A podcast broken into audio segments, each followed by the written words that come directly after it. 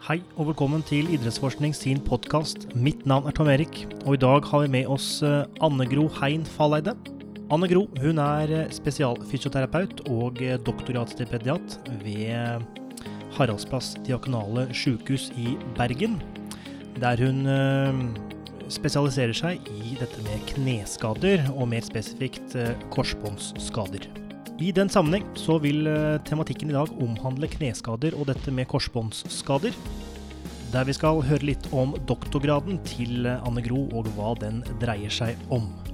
Etter en kneskade, hvor mange er det som blir operert? Hvor mange er det som returnerer til idretten? Og hvor mange er det som egentlig kommer tilbake til samme nivå? Det er et knippe av spørsmål som du vil få svar på i denne episoden. Og med det så ønsker jeg deg en god lytting. Velkommen, Anne Gro, til eh, vår podkast. Er alt bra med deg? Takk for det. Ja, alt er bra her i Bergen. Supert. Det er eh, vel litt strengt i Bergen, er det ikke det, pga. korona nå? Eh, det har vært det, men det har begynt å løse seg litt opp igjen. Så nå sitter jeg faktisk på Haraldsplass sykehus i dag. Riktig. Og der er det vel ekstra strengt, kanskje? Ja, vi har adgangskontroll og tar alle forholdsregler. Så vi blir ofte bedt om å sitte hjemme når det trengs. Riktig. Eh, du er eh, spesialterapeut og eh, doktoratstipendiat, stemmer ikke det, ved sykehuset? Jo, det stemmer. Og det er da Haraldsplass diakonale sykehus, du sa det vel litt innledningsvis, i Bergen? Ja, riktig. Uh, og du har jo blitt anbefalt av uh, ja, vår tidligere gjest uh, Lars Peder Bovin og vår fremtidige gjest, forhåpentligvis, Bård Bogen. så du er en ettertrakta gjest. I tillegg til det så har jo flere av våre følgere spurt etter ja, folk som har peiling på skader, og det har jo du litt. Ja, jeg har jo hatt noen år med erfaring med kneskade etter hvert, ja. Riktig. Mm -hmm. Det skal vi komme litt tilbake til uh, etterpå. Men um, i tradisjonstro så ønsker jo både jeg og uh, forhåpentligvis følgerne å ønske, vite litt om hvem du er. Så hvis du kan fortelle deg litt om deg selv med tanke på utdanning, jobb og forskning? Ja, jeg ble utdanna ved Høgskolen i Bergen. Jeg gikk ut i turnus i 2003. Og etter turnus så har jeg jobba litt variert i begynnelsen, før jeg landa på ortopedien. Da. Så det første jeg jobba med, det var kommunehelsetjenesten, eh, med variert praksis der. Eh, og så endte jeg opp på palliativ avdeling, faktisk, her på Haraldsplass sykehus, og jobba der i gode ett og et halvt år. Eh, før jeg begynte å jobbe på ortopedisk avdeling, da.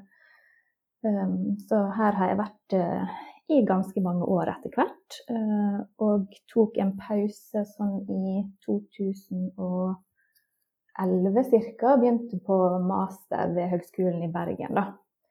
Eh, og der eh, jeg i, i, tok jeg fordypning i ortopedi og revmatologi. Ja, mm, og derfra så gikk det slag i slag mot et doktorgradsforløp. Ja. Så du har, du har, en del erfaring fra feltet før du på en måte tok uh, enda mer høyere utdanning. Uh, har det på en måte gitt deg en fordel, eller uh, jeg tror ikke ulempe, men har det gitt deg en fordel? Jeg tror det har gitt meg mange fordeler. For det første så har det gitt meg en sånn trygghet på at jeg ikke bare er en akademiker, men at jeg er en solid kliniker òg. Og det har på en måte vært med å Eh, vise vei i forhold til hva forskningsspørsmål jeg stiller, og ikke minst å motivere meg til å forske når jeg ser hvor mye i klinisk praksis som eh, vi egentlig stiller spørsmål med hver dag. Om er det her det riktige valget, er det derfor vi gjør ting, eh, bør vi gjøre noe annerledes. Så, så det, ja, det, har vært veldig motiverende å jobbe så lenge i klinisk praksis. Ikke sant. Mm. Men øh, hva var grunnen til at du gikk fra eh, Eller gikk, tok en eh, ph.d.? Uh, ja, egentlig så um, hadde jeg tenkt at jeg skulle stoppe med en master. Men så viste det seg at jeg syntes det var ganske gøy å drive med forskning. Um, så når vi begynte med litt forskjellige prosjekt på ortopedisk avdeling ledet av eh, ortopedene. Så trengte ortopedene fysioterapeuter til å være med og teste pasientene underveis i sine studier. Og som en del av det så eh, sa de at da ville de på en måte bidra til at vi skulle få ha våre egne prosjekt eh, i tilknytning til dem. Da. Og det var starten på vår forskningsgruppe, egentlig. Eh, så vi har ei tverrfaglig gruppe som består av både ortopeder og fysioterapeuter og radiologer. Er det som heter Spark? Ja, den heter Eller- STAR. Star! Ja. Star. vi sikta høyt med det navnet. Ja, riktig. riktig. Mm. Star, ja. ja det, og det står for Du, eh, det står for Sports Traumatology Arthroscopy Research Group. Så det er en sports, sportstraumatologiforskningsgruppe. Ja. Mm. Og hvis du skulle eh, sagt det til, eh, på gata til Ola Nordmann, hva hadde du sagt da? Hva gruppa handler om? Eh, Da ville jeg sagt at vi forsker på kneskader. Riktig. riktig. Mm. Ja, men Det er bra. Mm. Det er det som er temaet i dag, og kanskje Nå vet ikke jeg, dere skiller vel sikkert mellom kneskader og korsbåndskader, eh, antar jeg, men eh, du har spesialisert deg litt inn mot korsbåndskader, er det rett å si? Ja, det er rett å si. Nå er jo på en måte korsbåndskade hyppig Du ser jo hyppig andre skader samtidig med en korsbåndskade, da. Så du må jo på en måte innom en del andre felt òg. Men, men på Haraldsplass så ser vi et ganske høyt volum av korsbåndskader hvert år. Så det ble veldig naturlig for oss å forske på. Vi hadde mange spørsmål knytta til den pasientgruppa, da. Vi er et av de største sentrene i Norge som opererer korsbåndskader. Ja, I Norge eller Skandinavia, hvor stor skala snakker vi? Eh, I Skandinavia vet jeg ikke, det har ikke så god oversikt. Men eh, jeg tror vi ligger på en rundt 180 i året, ca., sist jeg sjekka. Ja, altså pasienter eller Ja, eller eh, 180 operasjoner i året. Mm. ah, Ok. Men hvor mange får dere inn hvor mange får dere inn som ikke blir operert? Er ikke det ca. halvparten? Uh, Du, det har jeg ikke nøyaktige tall på, men uh, det er ca. Er det rundt 40% som ikke går videre til operasjon, ca.? Ja, ok. Riktig. Mm. Uh, greit. Og du har jo da, som nevnt, eh, starta din doktorgrad, som Mhm. heter Fusjon, aktivitet og idrettsdeltakelse etter fremre korsbåndskirurgi. Mm. Hva er det det dreier seg om, og hvorfor ønsket du å skrive om akkurat dette? Jo, når vi jobber her på Haraldsplass, så er det jo, ser vi jo pasientene veldig sånn stykkevis og delt. Sant? Vi får ikke muligheten til å følge dem opp i privat praksis og se dem jevnlig i opptreningsfasen. Men vi møter pasientene før operasjon til en informasjonsbit. Så ser vi dem igjen første postoperative dag, der vi hjelper dem å komme i gang med bevegelighet og komme opp og gå på krykke og sånne ting. Mm. Og så ser vi dem relativt hyppig på kontroll etter det. Sånn at da etter åtte uker, seks måneder, ni måneder og av og til etter to år, så ser vi pasientene. Og da er jo spørsmålet hva vi skal undersøke når de er inne til kontroll. Og, og det pasientene er veldig opptatt av, det er jo når de kan returnere til idretten sin, da. Til å drive med det som de liker best. Fordi populasjonen du har sett på, er idrettsutøvere. Det er en blanda populasjon, fordi de fleste som kommer inn her, og de fleste som blir operert, de blir jo operert fordi de har lyst til å returnere til en form for utfordrende aktivitet Ja. eller idrett. Det er jo på en måte en del av operasjonsindikasjonen. Mm. Uh, og så kan man stille spørsmål om det er riktig eller ikke, men det er sånn det er i dag. Mm. Uh, og da er jo på en måte vår jobb da, etter operasjonen å følge dem uh, enten tilbake til det de ville tilbake til, eller å finne andre ting å drive med. Så vi har en populasjon helt fra eliteutøvere til de som vil tilbake til å spille fotball på hobbynivå med bedriftslaget sitt. Så det er en vari veldig variert populasjon. Riktig. Ja. Og hva er det dere ønsket å finne ja, sånn, Når de er inne, eh, så gjør dere enkelte tester og sånne ting. Er, ønsket å finne ut hvor gode de testene er, og endre de, eller legge til flere tester, eller hva er det ønsket å gjøre? Ja, det vi ønsker spesielt å se på, det er den ni nimånederskontrollen. For det er rundt det tidspunktet at pasientene begynner å bli klar for å virkelig utfordre kneet sitt mer i f.eks. fotball, håndball, alpint.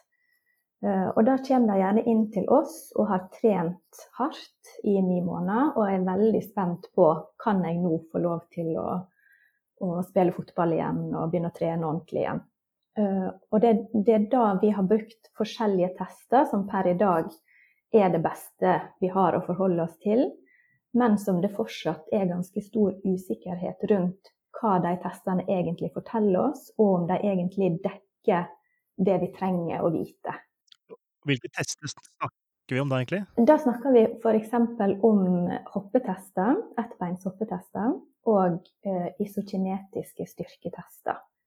Ja, Er det sånn uh, treehop-test uh, på ett bein? Ja, vi har en kombinasjon av fire forskjellige tester. Så det er hinke så langt man kan på ett og ett bein i ja. ett hink. Hinke så langt man kommer i tre hink. Hinke i kryss over ei linje for å få litt kryssbevegelser i kneet. Og hinke så fort man kan eh, seks meter på tid, for å få på en måte se på hurtigheten og spensten i kneet. Riktig. Mm, og så lager man en sumscore der man sammenligner operert side med frisk side. Og, ja, og så hadde du en isokinetisk eh, test. Da er det forskjeller mellom venstre høyre eller bak fremme muskulatur? Da er det forskjell mellom venstre og høyre, og da kan man se både på kvadriceps på framside lår og på hamstrings på bakside lår. Og man kan lage en ratio mellom framside og bakside lår. Hva er en optimal ratio? For det har jeg undervist litt i, eh, hos studentene mine i, i lab. Og det er jeg faktisk litt ja, jeg er litt usikker på det. Må jeg sjekke hva den optimale ratioen er. Det har vært litt uh, forskjellig forskning på det. Riktig. Ja. Men hva er det dere klassifiserer som uh, La oss si du har uh, eh, 85% av styrken du hadde i det friske beinet. Det er, da er du ready to play. Er det innafor, eller må du ha høyere? Nei, det er jo litt av det vi hadde lyst til å finne litt mer ut av. Da. For det, det varierer veldig i litteraturen. Det er alt fra en ratio på Eh, eller vi kaller det en symmetriindeks. Da. En symmetriindeks på 80, 85 eller 90, og noen hevder helt opp imot 95. Altså at du bør ha en styrke i operert bein som er 95 um, i forhold til uh, eh, 100% på frisk side. Så du bør ikke være på en måte mer enn 5% svakere da, i operert bein. Uh, og i og med at vi har en litt sånn blanda gruppe så har vi lagt oss på 85% for å undersøke om da denne styrketesten egentlig forteller oss noe om pasientene faktisk kommer tilbake til idrett eller ikke. Da. Riktig. Ja. Mm. Ja. Men, men i, i, klinikken, de som skal tilbake til pivoterende idrett på høyt nivå, konkurransenivå, så ligger vi på da sier vi 90 Og eh, ja, hva er det Er det høy nok prosent, eh, eller blir det fortsatt mange eh, ja, reskada eller eh, skadet på nytt igjen? Ehm, det er jo variert hvordan de rapporterer reskader, men en ser jo det at av de som returnerer til såkalt pivoterende idrett, så er det ganske stor risiko for å skade seg på nytt. Ehm, så da det, kan det være oppimot en 30 risiko for å skade seg på nytt. Og overraskende nok for mange, så er det ofte stor risiko for å skade seg i motsatt kne. Ja, for det er et tall, eh, eller dere opererer med en del tall på den nettsida deres på sykehus sine hjemmesider.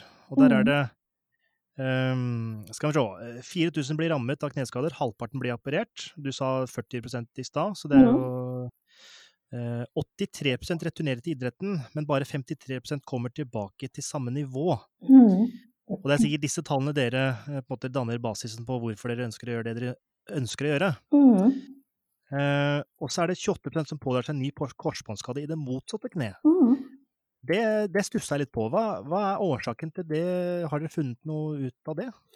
Nei, vi har ikke noe opplagt årsak til det, annet enn at man kan jo mistenke at det er en disposisjon i den personen som gjør at kneet er bygd på en sånn måte at det disponerer for en skade.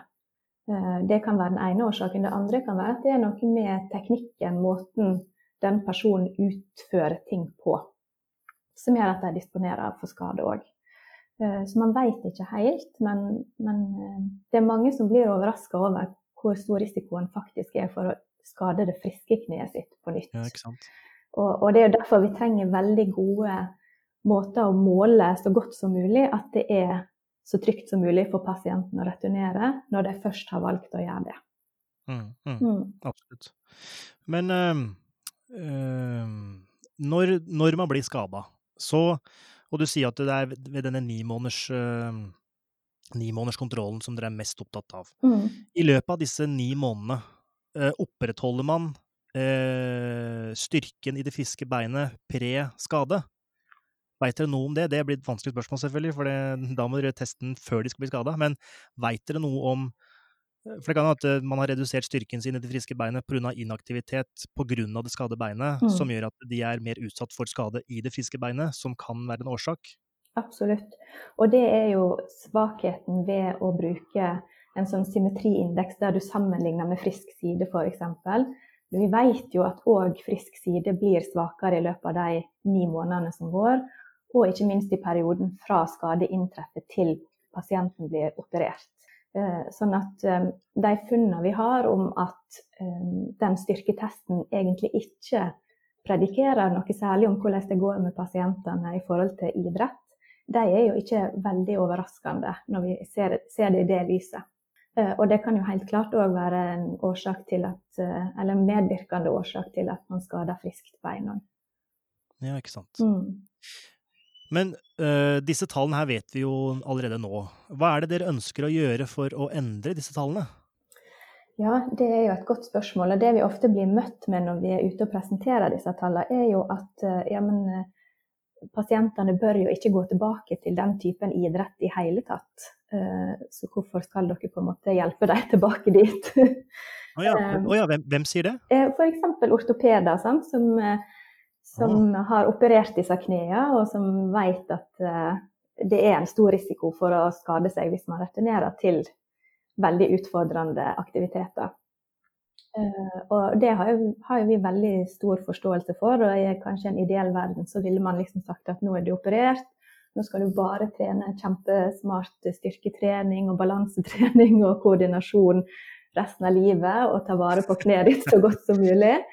Ja, det, Men de av oss som på en måte har en idrett eller en aktivitet som de elsker, vet jo at sånn fungerer det jo ikke.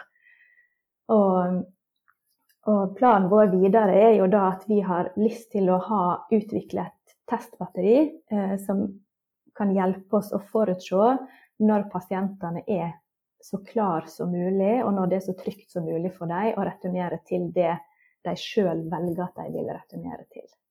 mm. Eh, det er det første steget. Og øh, hvilke tester er det de snakker om da?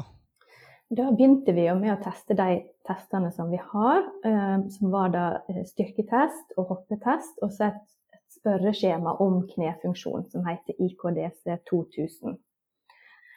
Eh, og så har vi sett at veldig mange av pasientene som kommer på kontroll til oss, når vi spør bare helt sånn åpent spørsmål om hvordan det går idet de kommer inn døra, så er det så mange som helt spontant sier at Um, jo da, jeg føler for så vidt at kneet fungerer bra, jeg føler meg ganske sterk og jeg har trent ganske godt.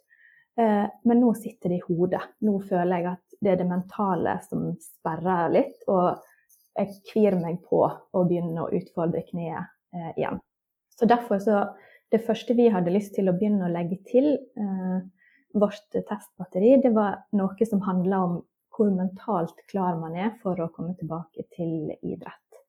Eh, For det er klart, er man veldig redd for å skade seg på nytt, så vil man kanskje ha en del eh, oppførsel som gjør at kanskje man trekker seg på vei inn i farlige situasjoner. Eh, Kanskje man avlaster beinet, ikke tør å utfordre det så mye som man trenger for å være klar. Så vi hadde lyst til å kartlegge i hvor stor grad um, det her var et problem hos våre pasienter. Da. Eh, Og da, da snubla vi over det her spørreskjemaet som heter ACL-RSI-skjemaet. Ah, Mm. Eh, Og det står for Anterior Cruciate Ligament Return to Sport After Injury Scale. Veldig langt. Eh, Men det er kort, kort ACLRSI. ja. Og det fins på engelsk. Og så første steg for oss var jo da å oversette det til norsk, sånn at vi kunne bruke det på våre pasienter. Riktig. Ja. Det kan jo være utfordrende, for det merker jeg når jeg jobber med, en, jobber med en engelskmann. At det er, ikke, det er, noe som blir lost in translation. Mm. Og da er det ganske sånn strenge eh, retningslinjer for hvordan man skal gjøre det på en grundig måte. da. Eh, så det, det poka jo min indre nerd så, såpass mye at jeg måtte jo bare gjøre det. jeg hadde flere mednerder med meg. Så da eh, begynte vi den jobben. I've just got a, a question about that. Um, I basically don't speak any Norwegian over here uh, because everyone's English is so good. Mm. So What made you feel like there was a need to validate a scale in Norwegian when the original language is in English? Eh, det er rett og slett anbefalt at når du oversetter spørreskjemaet um, etter de satte retningslinjene, så selv om du har brukt um, alle disse her reglene som finnes for oversettelse, så bør man likevel validere den norske versjonen for å se om spørreskjemaet og spørsmålene oppfører seg annerledes når de er oversatt til norsk. Eh, og I tillegg så er den valideringa som var gjort på engelsk versjon, eh, den var gjort med én type analyse, og vi mente at det mangla en, en, type analyse for å se om spørsmåla faktisk undersøker det vi er ute etter å undersøke. Da. Så Derfor så er det på en måte den norske versjonen supplerer forhåpentligvis òg den engelske versjonen i at vår validitetsstudie er litt litt videre og litt annerledes enn den som ble gjort originalt. Okay.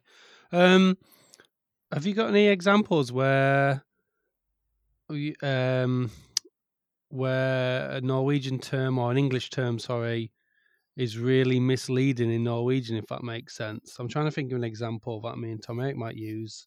Yeah, it's gonna be short. Oh yeah, so like when me and me and Tom Eric wrote a paper about powerlifting, mm-hmm um, where we asked powerlifters how they trained, and we had a bit of discussion about the use of the term closs.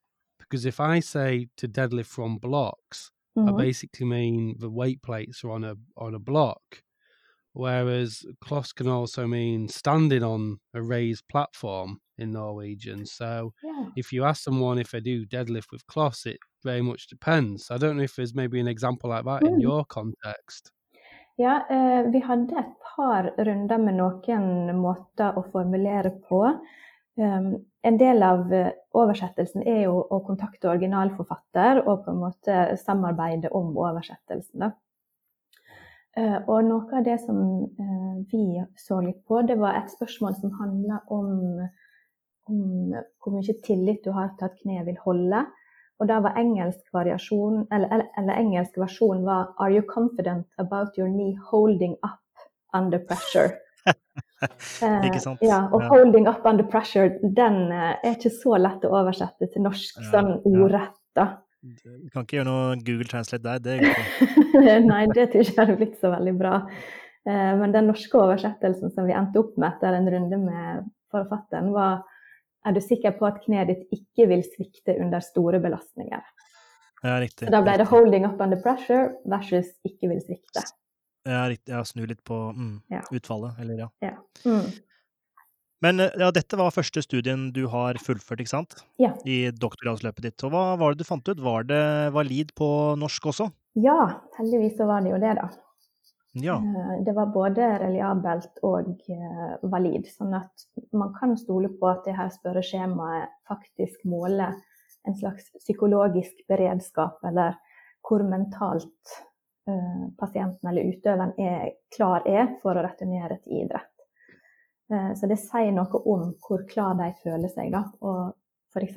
kan man bruke det seks måneder etter operasjon, eller på den ni måneders kontrollen som vi har pasientene. Mm, mm. Ja, så det var første steget. Riktig. Og eh, jeg regner med at det er to eller tre steg til. Og i så fall, mm. hva er det dere skal gjøre videre? Det vi da tenker videre, er at vi skal ta da disse her tre um, målene som vi har gjort på nimånederskontroll, nemlig hoppetest og styrketest og IKDC, altså subjektiv opplevd funksjon.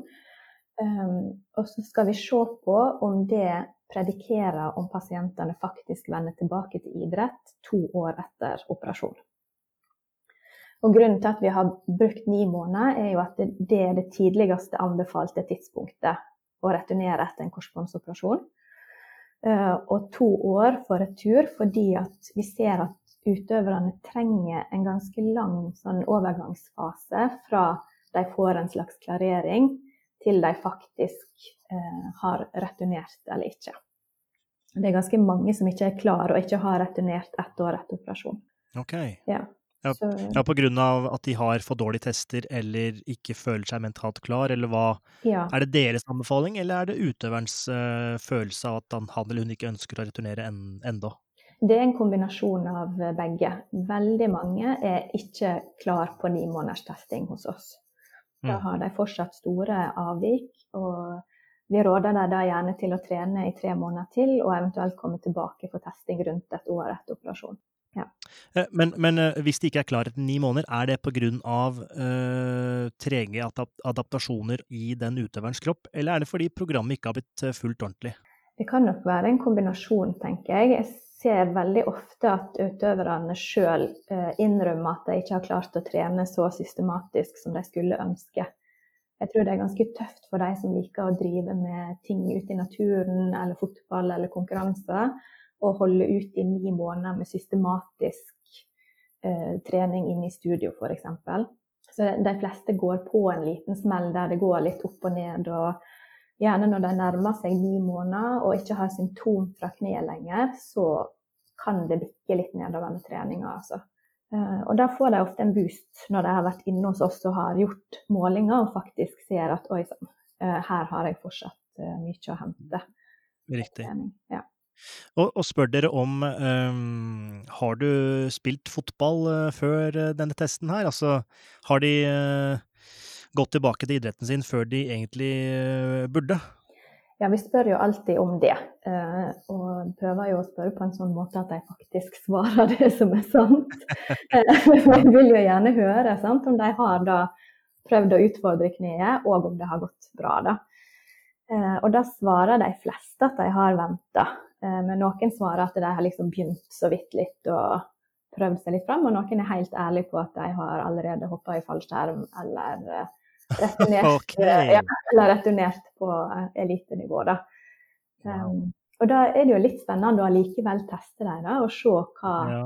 resultat de har.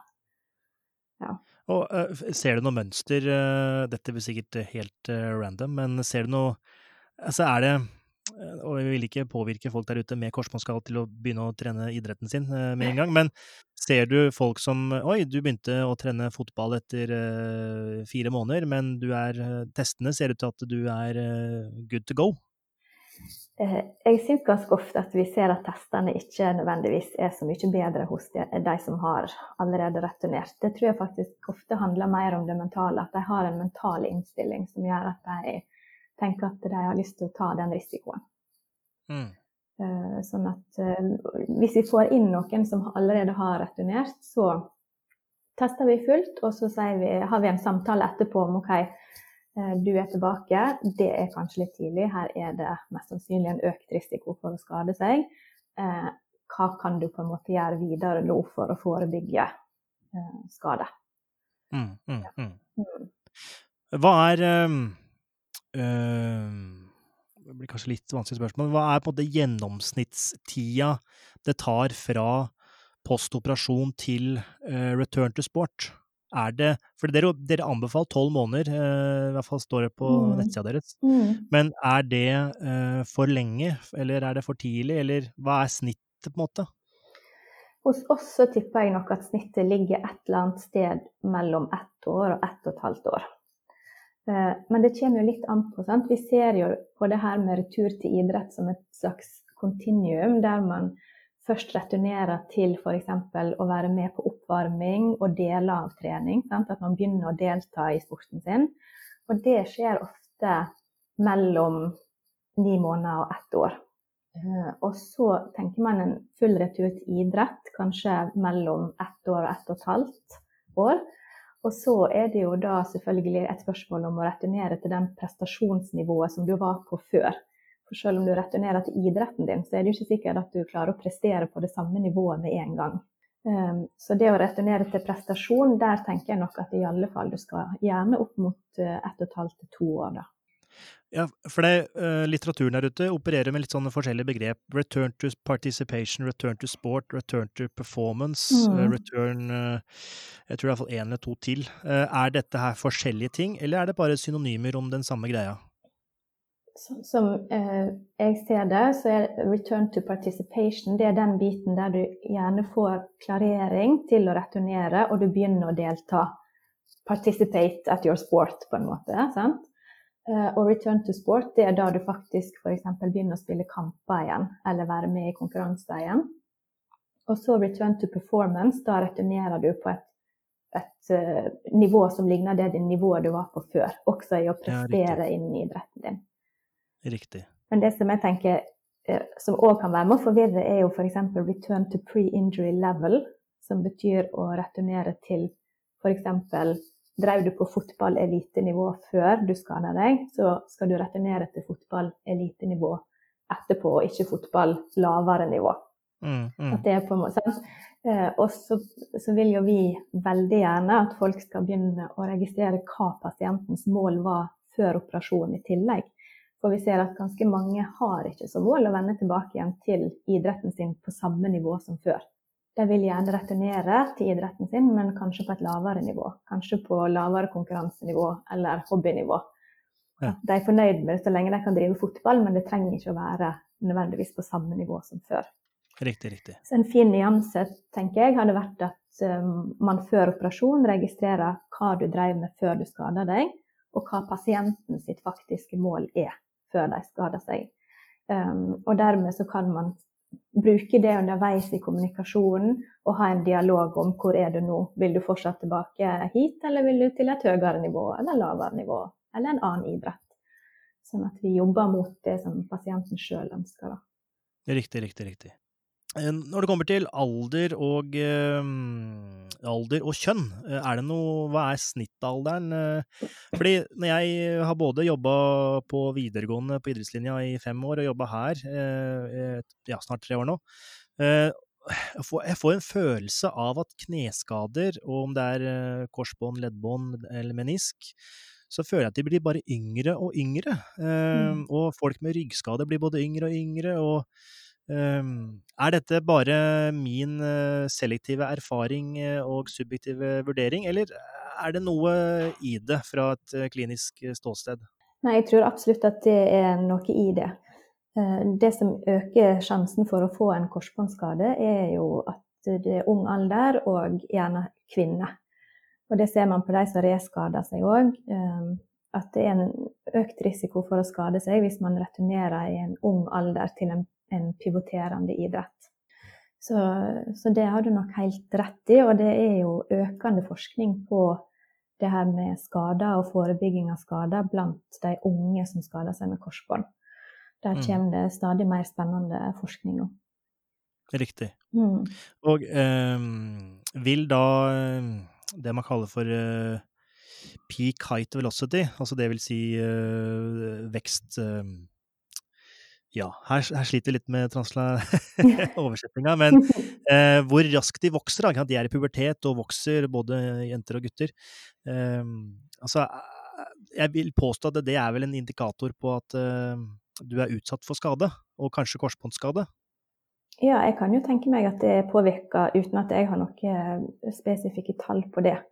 Eh, men jeg ser jo Eh, jeg det er veldig spennende med denne fasen rundt når vekstspurten inntreffer.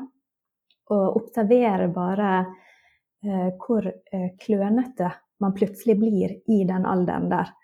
Motorisk rett og slett veldig klønete fordi man vokser så fort. Og ja, jeg har sett f.eks. videoer av unge svømmere som blir, får oppgaver som er tilsynelatende helt enkle, som å balansere bortover en rett strek. Og man blir jo helt forbausa over hvor vanskelig det er for dem i den alderen.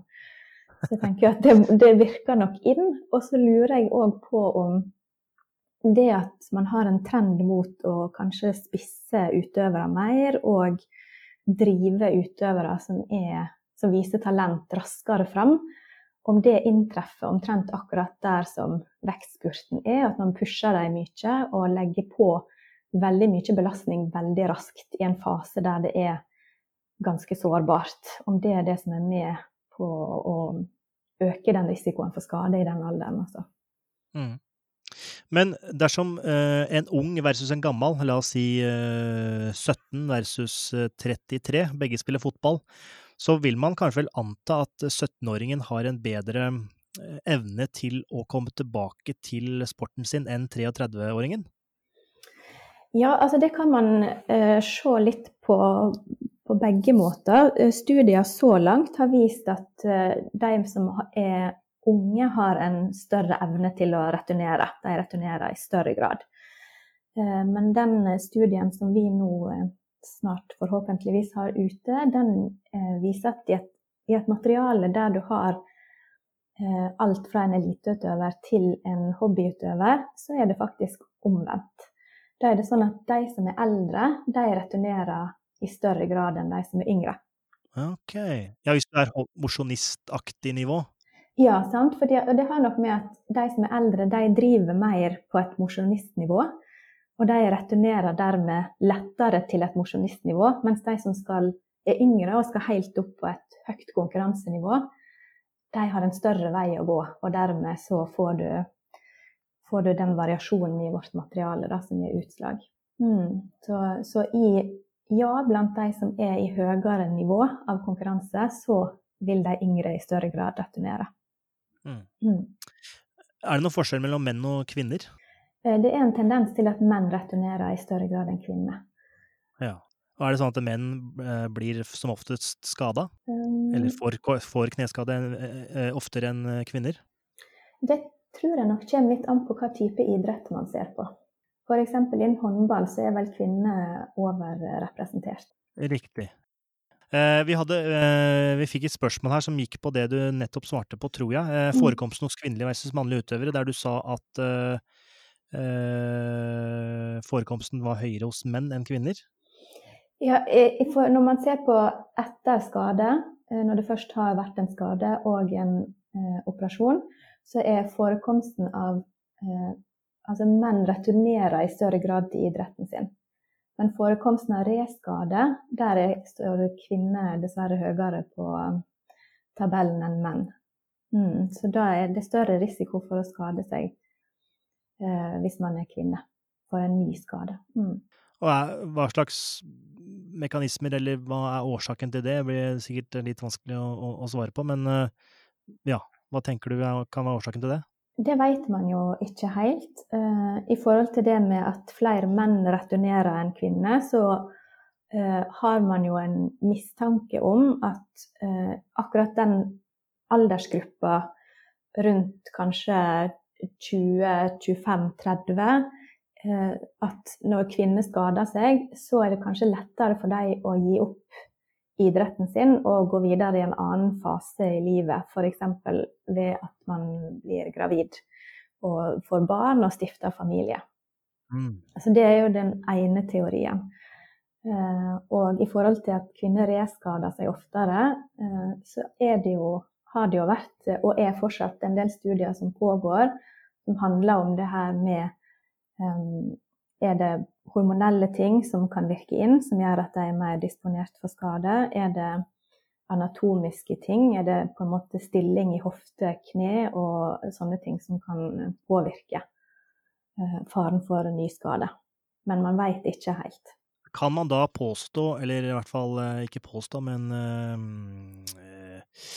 spekulere i om at øh, forekommer eh, valgus uh, mer hos kvinner enn menn i pivoterende idrett, og i så fall vil det være en faktor for reskade? Ja, altså det er jo det mange um, har hatt lyst til å undersøke. Og en del av de som forsker litt på det samme som oss, som ser på hva type tester som kan hjelpe oss å vurdere når pasientene er klare, de har begynt å legge til eh, tester som handler om nettopp det å vurdere kvaliteten i bevegelse, f.eks. Eh, potensiell svikt i hofte, er de stabile og sterke nok der? um, hvor mye grad av valgus kneet får idet de belaster dem? Uh, og har prøvd å utvikle metoder for å kvantitativt måle det. da.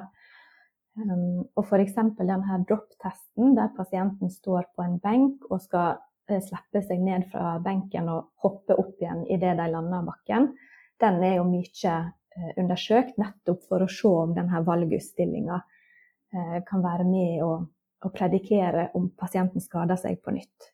Men så langt så har de ikke fått noe resultat som gjør at vi tenker at aha, her har vi en del av løsninga. Men sånn klinisk sett så er det jo veldig fristende å spek spekulere i at har du ei ustabil hofte og har du et kne som lett svikter innover, eh, så har du på en måte begynnelsen på en skademekanisme der. Ja, det er jo på en måte litt eh, søken, den, søken på den hellige gral. Eh, mm. Og når det kommer til skader og sånne ting, i hvert fall slik jeg oppfatter både våre tidligere gjester og eh, litteraturen der ute, så om du har valgus eller eh, eh, krum rygg når du løfter, eller andre uoptimale bevegelsesmønster, så ser det ikke ut til å predikere skadeforekomsten i det hele tatt. Så det er, det er et vanskelig felt, dette med skader, for det er så mm. det, ja, varierende og sprikende funn. Ja, det er det. Og det gjør jo at det blir veldig frustrerende da, å stå der på den der nimånederskontrollen og du har et sånn håpefullt blikk på det. ikke sant? Er det nå liksom greit, nå har jeg jobba så lenge? Um, og, og, i den studien som nå forhåpentligvis snart uh, kommer ut, så finner vi jo på en måte at disse her fysiske testene de gir oss kanskje ikke De gir oss i hvert fall ikke alle svarene. Uh, men det som faktisk uh, ser ut til å slå inn, det er det, den mentale responsen. Eh, og det har vi sett i andre studier òg, at det her spørreskjemaet om hvor mentalt klar pasienten er, det ser ut til å predikere om de returnerer eller ikke til idretten sin. Og eh, det er faktisk kommet eh, en studie som viser at det kan være med å predikere reskader på sikt. Okay. Så, så, her er noe med det mentale som vi helt klart skal ha med i kartlegginga vår på en annen måte enn vi har hatt før. Når det kommer til uh, dette med operasjon og ikke-operasjon, uh, så leste jeg Eller nei, leste ikke. Jeg diskuterte med en ja, Om det var kliniker eller praktiker, det husker jeg ikke helt. Men han mente i hvert fall at det var en studie som hadde drevet med menisk-kikkhullsoperasjon. Der den ene gruppen hadde fått Eller begge gruppene hadde fått kikkhullsoperasjon. Eh, men den ene gruppa hadde faktisk eh, fått operasjon, altså de hadde faktisk gjort noe der inne i kneet, mens den andre hadde bare fått eh, hullet uten at det hadde blitt gjort noe der inne med kneet.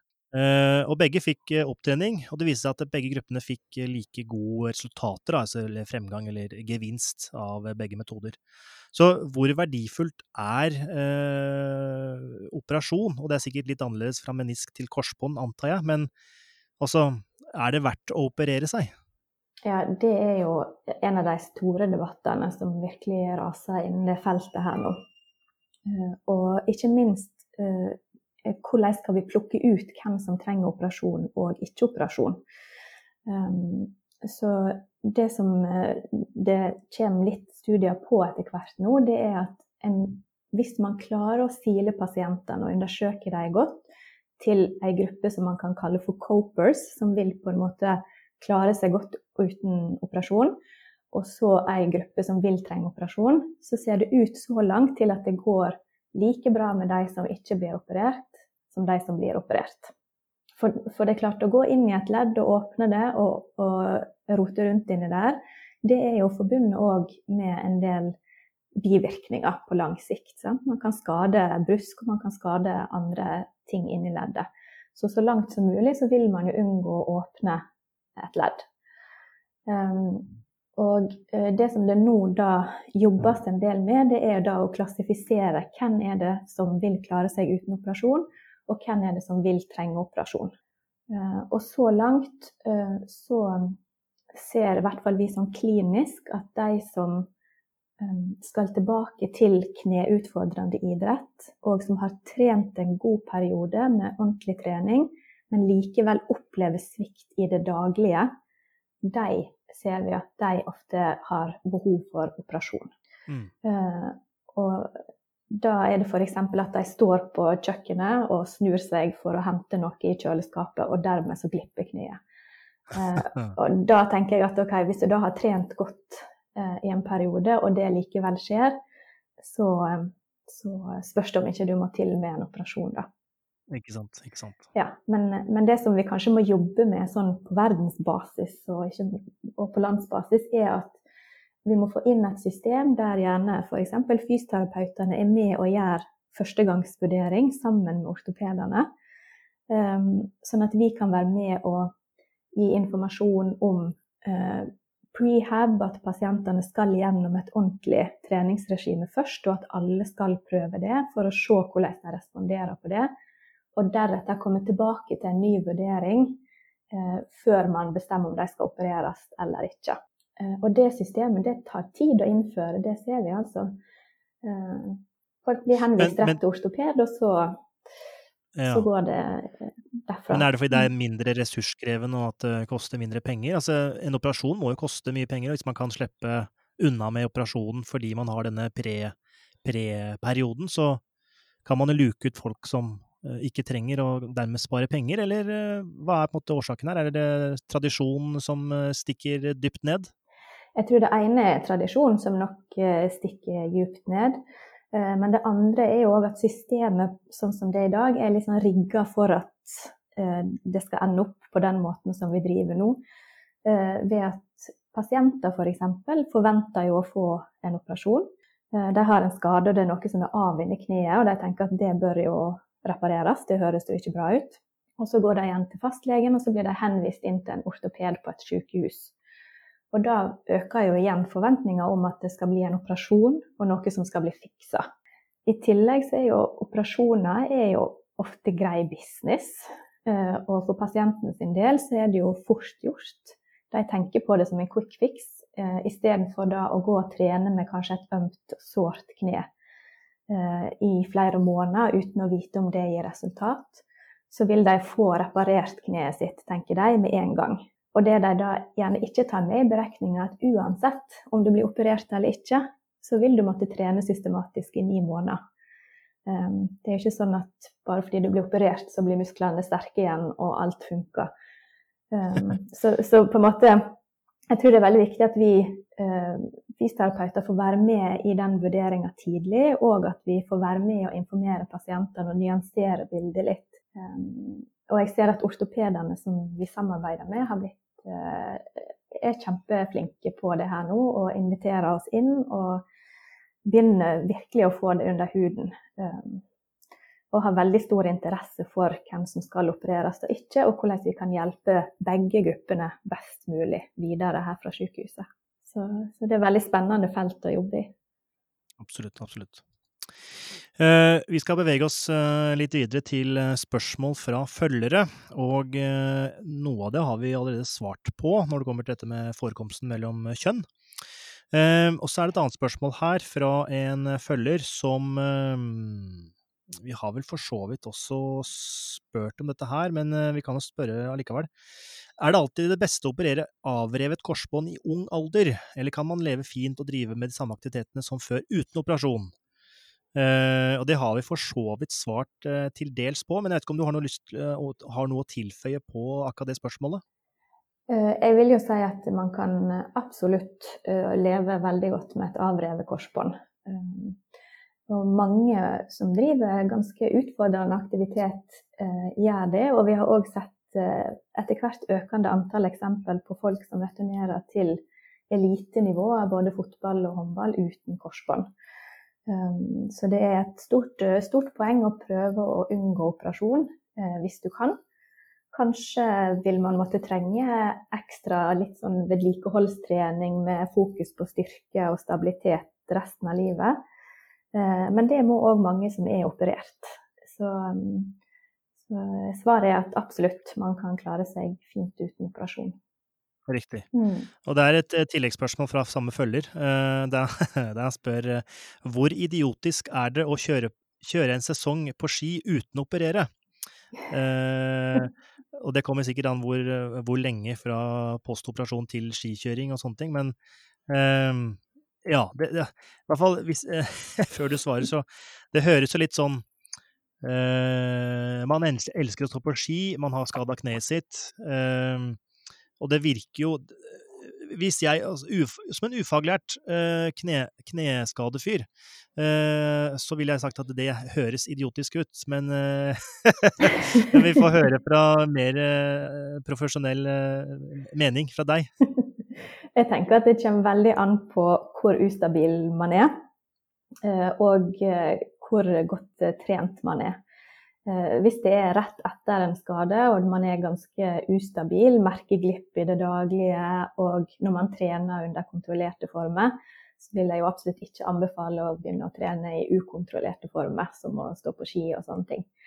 Eh, hvis det har gått en stund etter skaden, og man har eh, trent systematisk og godt, gjerne i samarbeid med en trener eller fysioterapeut som har sagt noe om at man begynner å bli godt sterk og sånn, og man ikke opplever glipp, verken under trening eller sånt, så tenker jeg at um, vi kommer litt lavere ned på idiotskalaen uh, i forhold til å prøve seg litt uh, prøve seg litt fram. Og da mener jeg at vi er, vi er høyt på en skala fra null til ti, maks idioti, hvis man da kjøre rett opp på et fjell og sette utfor på første turen. Mens, ja. Eh, mens, man er lavere nede hvis man begynner å gradvis utfordre kneet med korte turer i rolige bakker og sånne ting. Eh, og det er klart Man må jo være informert om at risikoen man løper, er jo å skade kneet ytterligere. F.eks. ved å skade en menisk eller noe sånt. Sant? Når man har et korsbånd, eh, og hvis kneet da er ustabilt, så vil det belaste andre strukturer i kneet som kan øke risikoen for å skade seg. Ikke sant. Ikke sant. Mm. Yeah, I've just got a question in relation to that. um, because uh, Lardal, which is pretty close to us in Sogndal, the hospital apparently has got like the best knee department in Norway. Uh, and some people say it's like one of the best departments in Europe for, for knee reconstruction. And some people say um, that's probably because the fact that they're very close to a uh, ski center or, or lots of ski centers. So that kind of makes sense. But I just wanted to ask, kind of in relation to that, and I don't know how well you can answer this because I don't know if you've been a physio overseas, but do you think like there's knee injuries that are kind of like Norwegian specific? If that makes sense, in terms of in relation to the typical activities that a Nordman does, in terms of obviously skiing is very, very um, popular. Yeah, just freeless lift in general. Mm. I don't know if that I don't know if that question makes sense, but is there like a is there a very typical Norwegian presentation of a knee injury? Yeah. Eh, det kan man absolutt si at eh, spesielt eh, alpinskader og litt langrennsskader, telemarksskader, det ser man nok mer av her i Norge. Og faktisk så måtte jeg sende en forespørsel om nettopp det til hun her som hadde laga det spørreskjemaet om mentale responser, for å spørre om hun kunne tenke seg at det fortsatt var aktuelt å bruke på våre norske pasienter. Da. Eh, siden de viser veldig ofte til australske idretter, eller fotball, amerikansk fotball, eh, basket. Eh, mens vi har jo mye pasienter som løper i fjell, fjellmaratonløpere, bakke, motbakkeløpere og sånn. Og ikke minst skiskader. Og hun svarte jo det at ja, absolutt, i aller største grad. Du utfordrer jo kneet ditt veldig i alle disse her typen uh, aktiviteter. Mm. Ja, men, men, likevel så ser vi at uh, de pasientene som skader seg mest, da er vi fortsatt innen fotball, håndball og basket, også i Norge. Men alpint kommer høyt opp i vårt materiale. Er, er alpint den tredje største idretten. Uh, ja, og det tror jeg nok ikke det er i så veldig mange andre land i, på verdensbasis. Nei, mest sannsynlig de andre landene som er også gode, som Østerrike og øh, ja, nå har ikke jeg fulgt med på alpint ganske lenge, så Østerrike i hvert fall. Ja. Eh, Men øh, du, før du, før vi, når vi måte svarte på dette spørsmålet fra følgeren om skikjøring og hvor idiotisk det var, så sa du at det kommer an på hvor godt trent du er. Og hva er det du legger i godt trent? Hva betyr det? Da tenker jeg at eh, du skal ha god eh, og sterk eh, muskulatur som kan fyre ganske raskt. Som kan Mhm. koble seg inn ganske raskt når du utfordrer kneet i forskjellige stillinger. F.eks. hvis du kjører alpint og du merker at skien glir ut, eller at du holder på å hekte, eller du må på en måte justere raskt bevegelsen din. Eh, Eller når du lander etter å ha tatt imot en ball i håndball, du lander på ett bein og beinet ditt står låst i parketten, og du skal videre i en pivoterende bevegelse, så må på en måte muskulaturen din fyre raskt og sterkt for å kunne stabilisere kneet. Eh, Så både det å ha en god styrke og å trene opp eh, koordinasjon og stabilitet blir viktig etter man har hatt en skade. Mm. Men vil ikke da relativ muskelstyrke, altså hvor sterk man er i forhold til egen kroppsvekt, være en faktor som eh, burde bli testa? Ja, eh, vi har snust litt på det, skjønner du. Eh, vi Ja. har i den målinga av isokinetisk styrke, så har man muligheten til å hente ut data på eh, hvor sterk man bør være i forhold til høgde. Mm, okay. Eh, men det er ikke noe som har vært brukt i litteraturen internasjonalt noe særlig. Eh, Så, så bare innad i den eh, isokinetiske styrkemålinga, så er det i hvert fall da fire forskjellige måter å måle styrke på. Eh, Det er sammenligne sidene, framside, bakside, lår. Det sammenligner da eh, din styrke med høgde. Så, så det er fortsatt mye jobb som må gjøres her for å se ja, f.eks. på det med kroppshøgde eh, i forhold til styrke. Det er veldig interessant. Eh, Riktig, riktig. Ja. Mm. Eh, greit. Eh, vi har et siste spørsmål her. Eh, og eh, ja, jeg veit ikke om det er et spørsmål, men det, er et, det er et spørsmål, men eh, skal vi se. Det står her. Mistet følelse i deler av kneet. Er dette normalt? Vil det komme tilbake? Eh, ja. Ja. Eh, nå vet ikke jeg om den personen her er operert, da. Um, eller om det bare er en skade som ikke er operert. Eh, men jeg mistenker at kanskje det er en pasient som er operert, og som kanskje har fått eh, kutta av en liten hudnerve under operasjonen, sånn som de ofte gjør når de går inn med kikkhullsinstrumentene sine. ja riktig. Um, og da kan man uh, få en sånn nummenhet på framsida av leggen, litt nedenfor kneet. Eh, og den kan noen plages av, og noen syns, syns ikke det har noen påvirkning på funksjon. Eh, men for de aller fleste så fungerer de veldig fint med det, selv om det er ekkelt eh, av og til. Og man ser at til og med oppimot to år etter operasjonen så kan følelsen komme tilbake. Så det kan ta lang tid, og noen får den aldri tilbake. Men for de fleste så vil det sakte, men sikkert komme litt og litt mer følelse tilbake. Riktig.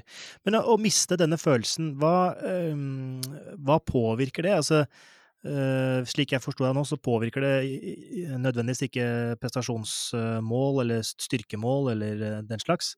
Men øh, hva med den proprioseptive sansen, altså leddsansen, og øh, vil denne misting av følelse i kneet eh, ha noen negative effekter? Ikke så vidt som jeg har fått med meg i de åra jeg har jobba i klinikken, så har ikke pasienter rapportert noe at det på en måte har noe funksjonelt å si, annet enn at de syns det er uh, ubehagelig. Og det kan være kobla til litt ubehag med å sitte på kne uh, på hardt gulv og sånne ting. Uh, og det er òg rapportert en del i litteraturen at folk syns det er plagsomt og ubehagelig etter operasjon. Men jeg har ikke sett eller erfart noe med at pasientene syns det påvirker funksjon utover ubehag.